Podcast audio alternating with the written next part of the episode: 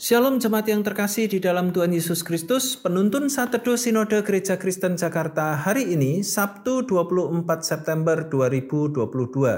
Sukacita dan damai sejahtera. Filipi pasal 4 ayat yang keempat sampai 9. Bersukacitalah senantiasa dalam Tuhan. Sekali lagi kukatakan, bersukacitalah.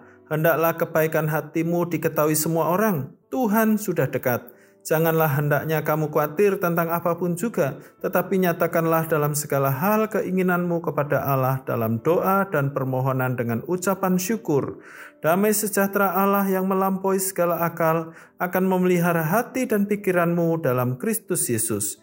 Jadi akhirnya saudara-saudara, semua yang benar, semua yang mulia, semua yang adil, semua yang suci, semua yang manis, semua yang sedap didengar, semua yang disebut kebajikan dan patut dipuji, pikirkanlah semuanya itu, dan apa yang telah kamu pelajari, dan apa yang telah kamu terima, dan apa yang telah kamu dengar, dan apa yang telah kamu lihat padaku, lakukanlah itu, maka Allah sumber damai sejahtera akan menyertai kamu.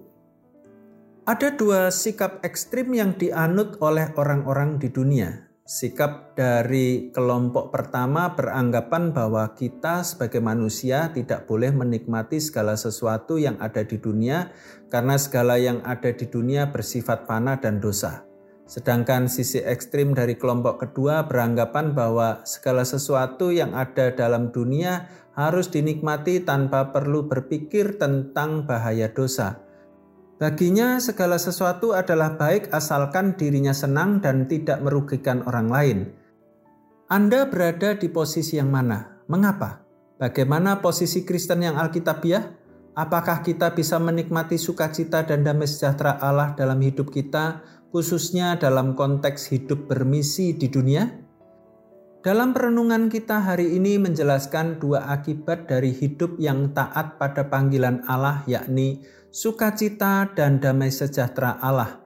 Sikap kita memilih suatu tindakan hidup yakni yang bersifat menjauhkan hal-hal berdosa dan sikap menikmati berkat Allah. Dalam menikmati berkat Tuhan, tentu saja harus sesuai dengan prinsip firman Tuhan. Itulah pedoman dan prinsipnya yang harus kita pegang terhadap kedua ekstrim yang ada, maka kita harus seimbang. Artinya, pilihan sikap etis kita harus sesuai dengan prinsip Alkitabiah secara utuh. Melalui prinsip ini, kita bisa menentukan sikap hidup yang tepat. Prinsip ini juga dapat diaplikasi dalam paradigma melakukan misi Allah, tetap setia dan taat kepada Allah sekaligus memiliki sukacita dalam menikmati berkatnya. Harapannya, kita bisa tetap optimis dalam melakukan panggilan untuk bermisi dengan segala tantangan dan kesulitan.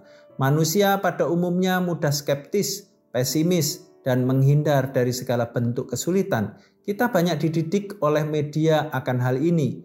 Budaya yang mengutamakan nilai kesenangan saja yang disebut dengan hedonisme sikap yang memandang segala yang menyebabkan kesulitan hidup, termasuk pekerjaan misi yang sering diasumsikan sebagai pekerjaan yang hanya mendatangkan penderitaan dan harus dihindari.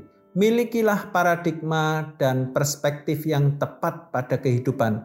Kita bisa menikmati sukacita dan damai sejahtera dari Allah.